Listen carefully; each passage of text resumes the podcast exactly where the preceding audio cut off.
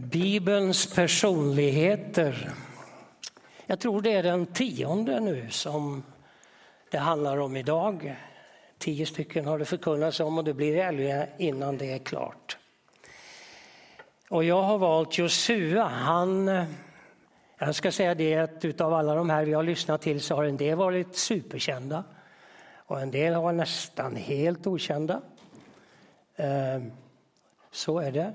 Idag så, ja en superkändis är det väl, skulle man väl vilja påstå. Han har en egen bok i Gamla testamentet, Josua bok. En mycket, mycket framträdande roll i Israels folk och dess historia. Han är, eh, ska vi säga, tvåan på något sätt. Ettan är Mose. Eh, det var han som var ledare för folket. Men det var Josua som tog över efter Mose och fullföljde uppgiften, den som Gud hade lagt på Mose egentligen. Den läggs istället på Josua att föra folket in i det utlovade land som Gud hade sagt, det ska jag ge till er. Israeliterna, Guds folk i Gamla testamentets tid, hade levt i fångenskap i Egypten under drygt 400 år. Och Josua han är en ung israelit som lever i slutet av den där fångenskapsperioden.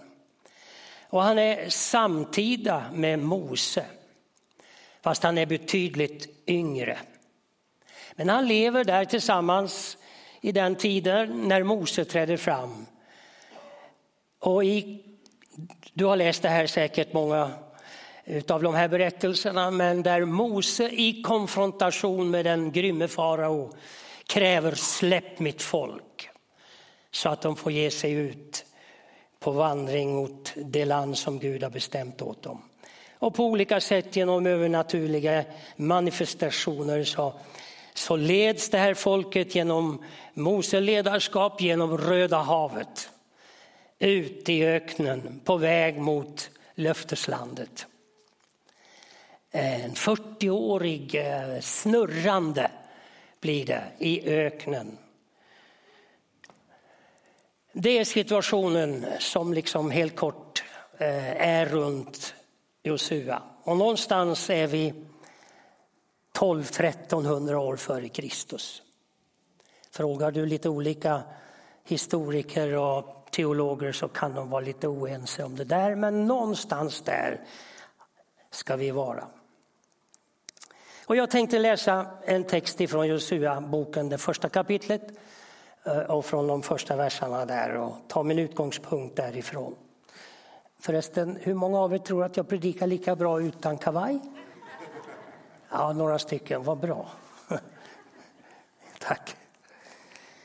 Det var någon som bad om ett nytt fläksystem här i kyrkan eh, under, under inledningen här. Och det kanske behövs.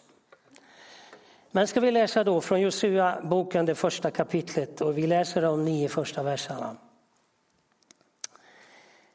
I Jesu namn. När Mose, Herrens tjänare, var död sa Herren till Moses medhjälpare Josua, Nuns son. Min tjänare Mose är död.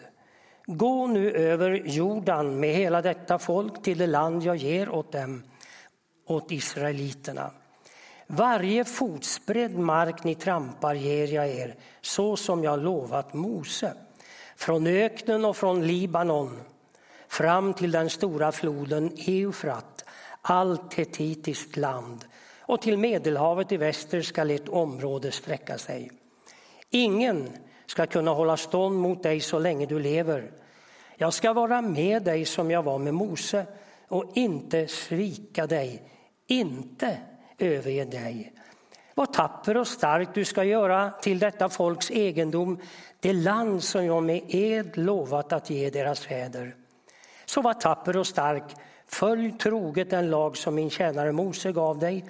Vik inte av från den åt vare sig höger eller vänster, så får du framgång i allt vad du gör.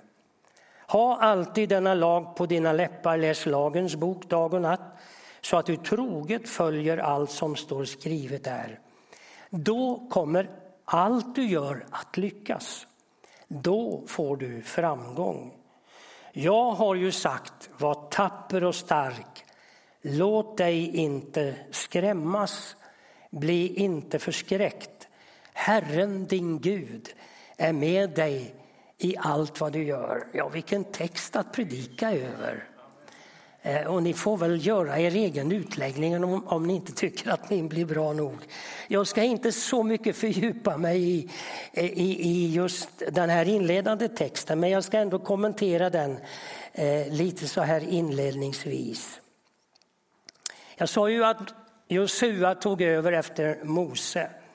Och det här är ju texten som handlar om det här generationsskiftet. Generationsskiften är ju egentligen väldigt besvärligt och knepigt i alla möjliga sammanhang, profana sammanhang men också så i Guds rike och Guds församling. Det är svårt men det är viktigt och det är absolut nödvändigt därför att en del dör och lämnar tomrum efter sig och det måste träda till nya som går in i uppgifterna. Och I vår text så är det så att Mose är död han hade fått ett enastående, gigantiskt uppdrag som han var tänkt för att förverkliga. Att föra ett stort folk ut ur fångenskapen in i det land som Gud hade lovat. Och nu dog han mitt i det här. Eh, för Mose var det här säkert en besvikelse. Han visste, jag ska dö. Han visste, jag kommer inte att få fullfölja uppdraget. Det berättas om att Gud sa till honom att du ska dö. Du får inte komma in i landet, men gå upp på berget Nebo. Där ska jag visa dig löfteslandet. Och jag tror att det står i den texten att på avstånd så fick han se in i det land som Gud hade sagt, dit vill jag leda mitt folk. Och jag föreställer mig att egentligen var Mose väldigt besviken. Därför att det var klart, det var det här han hade brunnit för hela livet. Och så får han inte en chans att fullfölja det. Han kunde ha varit bitter också, men det har jag ingen anledning att tro att han var. Men det som jag tycker är så enastående när jag läser den här texten det är all, detta att han, Mose, han verkade för fullföljandet av uppdraget så länge han levde, ända till dess han dog. Och han gjorde det på ett sådant sätt så han gav Josua, han som skulle ta över, han gav honom de allra bästa förutsättningarna för att fullfölja och slutföra uppdraget. Och det här är någonting oerhört vackert och viktigt att reflektera kring när det gäller att bygga församling, kyrka eller att arbeta i Guds rike. Ingen kommer ensam att slutföra uppdraget. Det finns en generation som kommer att vara den som går i mål på något sätt. Visst är det så? Och vi tänker allt emellanåt, och med åren måste jag säga att jag gör det oftare och oftare, att vi är nog den sista generationen innan Kristus återkommer. Eh, och, och, och det här uppdraget vi har fått att kalla människor till det förlovade landet. När det på något sätt är slutfört. Men det är ändå så att det här uppdraget vi har fått det är mer som en, en stafett där vi var och en, varje generation, varje enskild troende löper en sträcka med uppdraget och visionen i sitt hjärta. Att kalla människor till tro och till en eh, resa mot det förlovade landet. Vi är löpare eh, i en stafett som efter bästa förmåga löper så att vi ger nästa löpare den optimala möjligheten att fortsätta fullfölja loppet. Och det finns en som sedan spränger målsnöret. Och så gjorde Mose. Och så tog Josua över. Han hade varit förberedd eh, kan man säga. Vi kanske återkommer till det också här om en liten stund. Men jag tänker så här att Mose kunde ju ha fristats att tänka att det här har ju inte gått så bra egentligen. 40 år, kanske inte fullt ut har vi snurrat i den här eländiga öknen. Det hade egentligen inte behövt vara så om vi hade haft lite grann andra tankar om hur det här skulle fullföljas. För de hade ju verkligen irrat i den där öknen. Om du fördjupar dig i den berättelsen så ska du upptäcka det. Men Josua visste att uppdraget som Gud gav Mose, det gäller också mig. Och det är så att Gud själv inskärper det hos honom och säger följ troget den lag som min tjänare Mose gav dig. Vik inte av vare sig från höger eller vänster. Så får du framgång i allt vad du gör. Var frimodig och stark. Var inte rädd, fatta mod. Och Josua, han visste, jag ska fortsätta där Mose lämnade. Jag tar vid. Och han hade liksom redan skolats in i uppgiften. Han gjorde det alldeles uppenbarligen på sitt sätt. Men han gick samma väg. Han levde med samma vision och han var, vandrade i lydnad för Gud och hans ord. Och jag måste säga, det finns ju mycket mer i det här som du kunde fundera vidare på. Men texten beskriver ändå hur ett generationsskifte verkligen ska se ut och hur det kan lyckas. Det behöver inte misslyckas som det tyvärr ibland ofta också gör. Ja, det här är liksom den här inledande texten. Men när det gäller Josua ledarskap, innan han tog över, så hade han ju fått vara med om en mängd avgörande händelser under Mose ledarskap som hade format honom in i den här tjänsten. Och jag, jag hade faktiskt lite problem. Vad ska jag välja av allt detta? Och vad får jag hoppa över? Men jag, jag tar några eh, liksom axplock. Det står om Josua Förresten, ni har väl de där rubrikerna där. Jag refererar inte så mycket till dem. Du får titta där om du vill, annars går det bra att bara lyssna. Men jag tror att bilderna speglar ganska bra det jag försöker säga.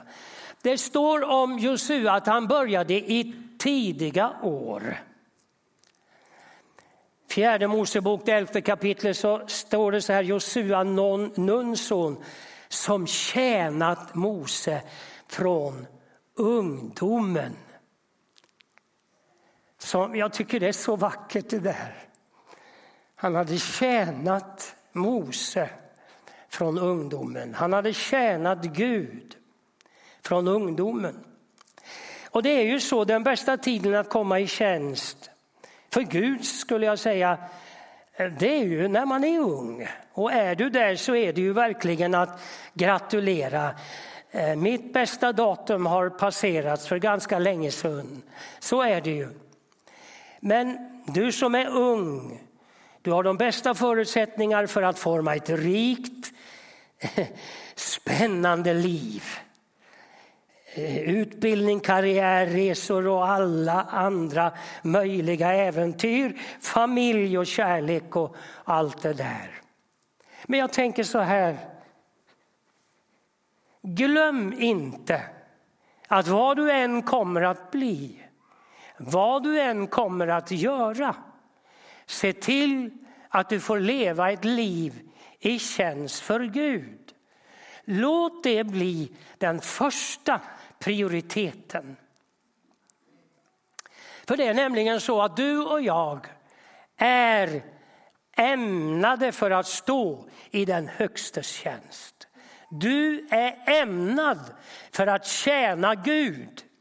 Och har du möjligheten så ska du börja när du är ung. Det är ingenting att spara på. Det är inte någonting som kommer lite senare. Utan det ska du vara med redan från allra första början. Sen utesluter det verkligen inte eh, allt det där andra som är nödvändigt för oss och som är viktigt. Men börja i tid. Men så ska jag säga till tröst för oss andra som har passerat den där gyllene åren då allt liksom är möjligt. Oavsett vilken ålder man kan vara i så kan man få vara eller få bli till och med en Guds tjänare. Och jag har tänkt en hel del inför den här predikan på den där liknelsen som Jesus berättar om arbetarna som stod på torget. Och så kommer jordägaren med en, vingårds, en vingård dit och lejer de där sysslolösa männen. Han kommer där på första timmen på arbetsdagen och så lejer de. Eh, så lejer han dem och så kommer han ytterligare vid tredje och sjätte och nionde timmen. Och där står en del med händerna i byxfickan och, och, och, och har tappat tron på att få vara med. Och till och med på elfte timman så kommer han och så lejer han in dem i tjänsten. Han hade kommit överens om en dagslön. Och när man samlar alla som har varit i tjänst under dagen så får alla samma lön. Vilken story! Och jag förstår de som var upprörda. Det här är orättvist. Men själva på en av poängerna i vart fall skulle jag säga är följande. Att oavsett vilken timme i din, i din ålder så att säga, som du och jag får en chans att komma i tjänst för Gud, så är det viktigt och värdefullt och värt full lön. Och det är aldrig för sent att komma i tjänst för Gud. Och det kan väl vara så, jag möter allt emellanåt en del i min egen generation som tycker och tänker på något sätt har mitt liv gått förlorat. Jag borde ha varit med från början. Jag hade chansen till det. Jag stod i valet av att gå den vägen men jag gick en annan väg. Men det, det är inte för sent. Det är inte för sent. Du kan vara med i elfte timman på arbetsdagen. Så, så var han där och så kom han i tjänst. Kom med du också.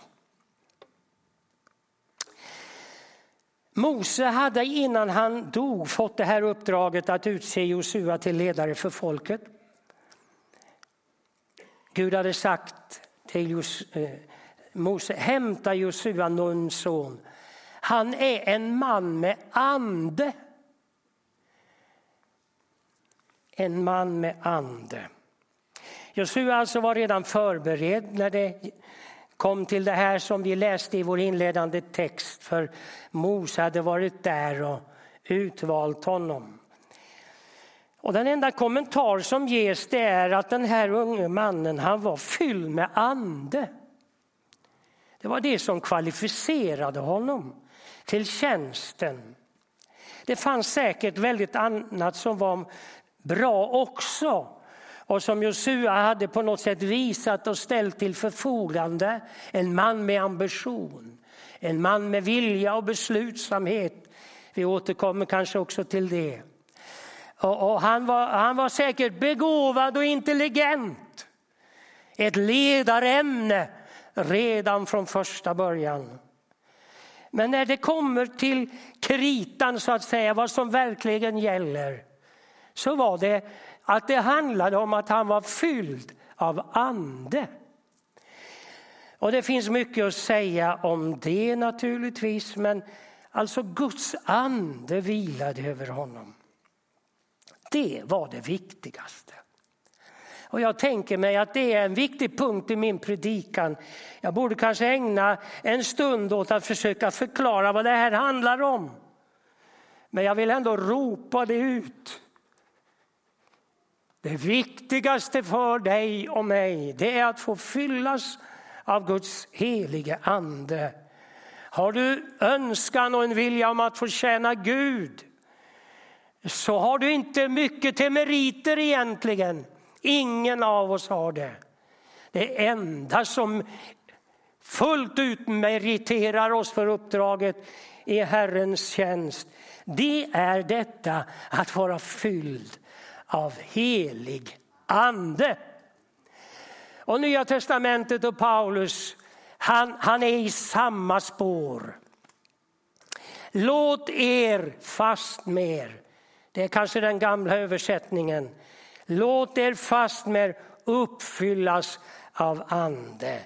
Och han betonar i sina brev också, var ivriga att undfå helig ande. Sök en andlig utrustning. Det är kvalifikationer som är eh, rejäla och som du behöver. I det ledarskap han utvecklade så hade han också under Mose ledarskap fått vara med om att se bönens betydelse för att tjäna Gud och för att vinna andliga segrar. Det berättas om Ja, folket levde ju i en miljö som var karg och eländig på alla möjliga sätt. Och till det kom också att det var fientliga folk som omgav, omgav dem och som gav sig i strid med dem. Och det berättas om att det blev strid med Amalek, amalekiterna, ett fientligt folk. I andra Moseboken, det 17 kapitlet, så beskrivs det där att Mose säger till Josua, välj ut krigare åt oss och dra ut och kämpa mot amalekiterna. Imorgon ska jag ställa mig på krönet av kullen med Guds stav i min hand. Josua gjorde som Mose hade sagt och stred mot amalekiterna medan Mose och Aron och Hur gick upp på kullens krön. Och där berättas i det där kapitlet att där stod Mose med sina lyfta händer. En ställning som på olika sätt genom Bibeln indikerar att nu handlar det om bön. Nu handlar det om bön. Och han lyfter också staven. Och det berättas om att så länge som händerna och staven hölls lyftad över den stridande hären så rådde de där nere på slagfältet. Men försök själv du, även om du inte har en enda tyngd i din hand Håll dina händer uträckta så det är inte många, många eh, timmar som du orkar med det. Rätt vad det var så berättas det om hur hans händer sjönk. Och då blev förhållandena omvända. Då rådde fiendearmén. Men Aron och Hur, de visste på, på hur de skulle hantera fram med en sten de satte Mose på den och så ställde de sig och så lyfte de hans händer med staven. Och så fullföljdes striden och så upplevde man seger. Det här har den kristna kyrkan genom hela sin historia skulle jag vilja säga uppfattat som en, en förunderlig bild på bönens enorma möjligheter och vikt och betydelse. Det var inte så att Mose tänkte att nu tar jag och går undan en, en stund och söker en vila där på kullens krön så får de unga herrarna eh, sköta hela, hela ruljansen själva. Nej, han tänkte jag ska komma med ett bidrag som är avgörande. Han visste det kommer att bli avgörande och så hade han med sig medhjälpare som gick in tillsammans med honom. Så segrade Israels folk genom en samverkan av pågående bön och aktivt engagerande i striden. Vilken vacker bild på hur det ska fungera i Guds församling med pågående bön samtidigt som vi aktivt engagerar oss i det som vi kallar den andliga kampen. Vi gör tjänst genom kärlekens gärningar. Vi gör tjänst genom vittnesbörd på alla möjliga vis. Men det finns några och vi är väl egentligen med där alla hoppas jag. Som säger likt Mose, jag ska upp på kullens krön. Jag ska lyfta mina händer och vi ska hjälpas åt och vi ska be. Och den kombinationen har alltid varit segerrik och framgångsrik. Senare också i Josua tjänst så möter vi honom i Ytterligare en sån där konfrontation med fientliga folk. Och då, då, då verkar det som om, ja, jag säger inte att Josua kommer ihåg den där bilden, men det är mycket möjligt att han gör det. Där han står, Mose, på kullens krön och ber.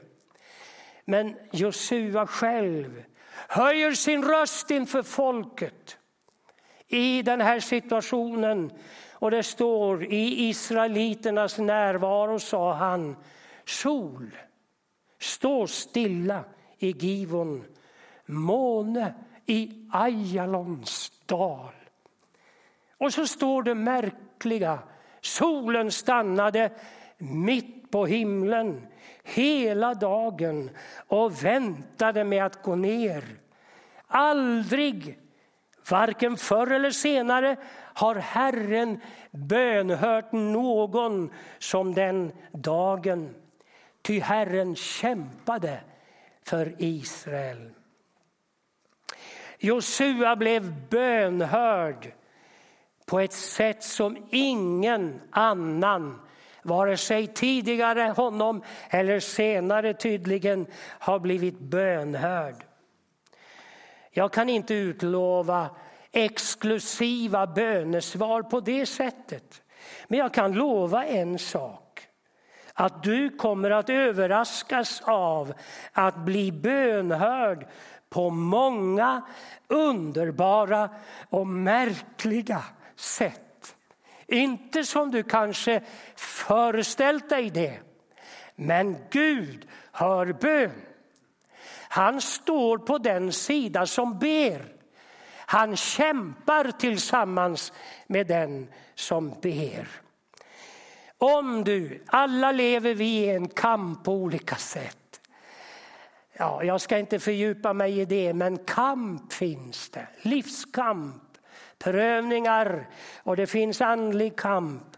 Men och gör vad du kan med alla dina egna förmågor men glöm aldrig att be och inbjud också andra att hjälpa dig i bön. Jag sa också här att Josua verkar vara en person som på sätt och vis har alldeles unika egenskaper. Eller det kanske jag inte sa, men han, han, han verkar vara ganska väl lämpad för ledarskap. En, en fast och beslutsam eh, eh, person. Och han hade fattat en del väldigt viktiga viljebeslut. Han hade bestämt sig för att tro på Gud under alla förhållanden. Det berättas, det var en väldigt avgörande händelse jag är övertygad om för Josua. I inledandet av den här ökenvandringen så sände Mose ut tolv spejare att bese det där löfteslandet. Och tio av dem kommer tillbaka. Och de, de har en väldigt blandad, eller ja, en ganska nedslående rapport. Å ena sidan, det är ett land som flyter av mjölk och honung, precis som Gud har sagt. Men det är fullkomligt ointagligt. Det är omöjligt. Står det inte där att vi såg lite jättar till och med. Det är väl befästa städer. Det är minerat. Det är hopplöst. Och det berättas att folket kommer i uppror och anklagar Mose för vad har du gjort? Lett oss ut i ingenstans. Vad blev det av det där löftet om ett utlovat land av mjölk och honung? Men så var det två stycken, Josua och Kaleb. De hade sett samma saker. Absolut. Så det var inget annorlunda, men de hade bestämt sig och Josua hade bestämt sig för att tro, tro på Guds löften. Under alla förhållanden. Om Herren är tillfreds med oss, säger han, kommer han att föra oss in i det landet och ge det åt oss. Gör inte uppror mot Herren och var inte rädd för folket. De ska bli en munsbit för oss. Herren är med oss. Han hade bestämt sig för att tro. Han hade också bestämt sig för att vara på platsen där Gud uppenbarar sig. Mose fick ett uppdrag att bygga ett uppenbarelsetält där Gud skulle bo. Och det står om Mose att han vek aldrig ifrån platsen där Gud uppenbarade sig. Och det betyder, folket hade irrat i landet Eh, eller i öknen i 40 år. De hade slagit läger på 42 platser tror jag, om man läser skriften. Och det fanns tillfällen då han hade fått tillbringa lång tid där i uppenbarelsetältet. Jag vill vara där Gud är. Och jag tänker där vilket föredöme han är för oss. Vi skulle kunna utveckla detta ännu mer. Men jag vill säga bara bestäm dig för att leva i Guds uppenbarelse hela livet och för alltid höll jag på att säga. Ja, det kan du få vara. Ansikte mot ansikte. Vilken plats! Den kan du få ha hela livet om du bestämmer dig för det. Han hade bestämt sig för att tjäna Gud. Vid slutet av sitt liv så är Mose, Josua orolig och undrar hur ska det bli med folket. Och han ställer dem inför liksom avgörandet. Hur vill ni ha det, säger han. Vill ni tjäna Gud eller andra gudar? Men så kommer slutsatsen som han själv ger. Jag och min släkt, vi vill tjäna Gud, säger han. Jag, jag vill göra det. Och så står det sedan att ganska strax därefter så dog han. Ni gör som ni vill, men jag har bestämt mig. Jag skickar den vidare till dig också. Andra får göra som de vill. Men du, bestäm dig du. Till slut, alla de här personligheterna i Bibeln, de flesta av dem skulle jag säga alla kanske, de pekar fram på Jesus. De är profetiska skuggbilder. Eller i sitt liv så pekar de fram på Jesus Kristus. Och eh, Josua är på något sätt inget undantag i det avseendet. Och där är han ju ett underbart föredöme för oss alla. Ehm, bara det faktum att han heter Josua, det är egentligen samma namn som Jesus.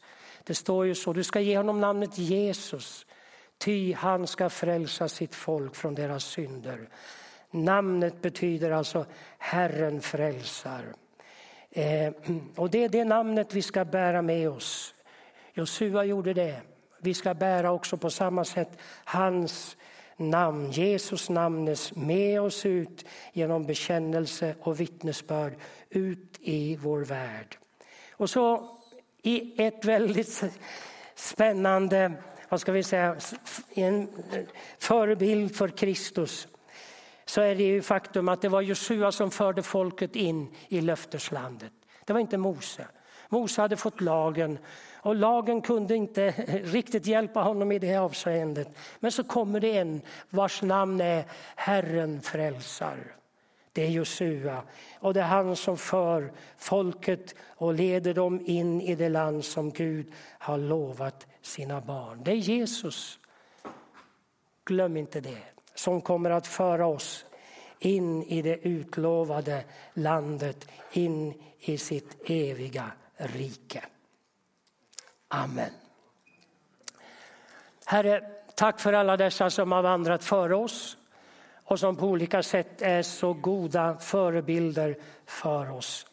Jag lovar ditt namn. Hjälp oss Herre att vi fattar våra avgörande beslut att i alla sammanhang följa dig, leva med dig Herre. Lovad vare dig i Jesu namn. Amen. Tack för att du har lyssnat på undervisning från oss i Malmö Pingstförsamling. Så roligt att du tog del av det här. Om du blev berörd på något sätt eller om du fick några tankar eller funderingar eller om du tog emot Jesus så vill vi jättegärna höra från dig. Du kan nå oss via vår hemsida europaporten.com. Där finns kontaktuppgifter till alla våra pastorer, anställda och andra ledare. Du kan också nå oss via sociala medier. På Facebook heter vi Malmö Pingstförsamling. På Instagram heter vi Malmö Pingst. Har du något du vill att vi hjälper till att be för så kan du mejla oss på forbon europaporten.com. Då når du vårt förbundsteam direkt. Tack än en gång att du lyssnade. Hoppas att vi ses framöver på gudstjänst 10.30 på söndagar eller på någon av våra andra samlingar. Känn dig varmt välkommen. Ha det så bra så länge och Gud välsigne dig.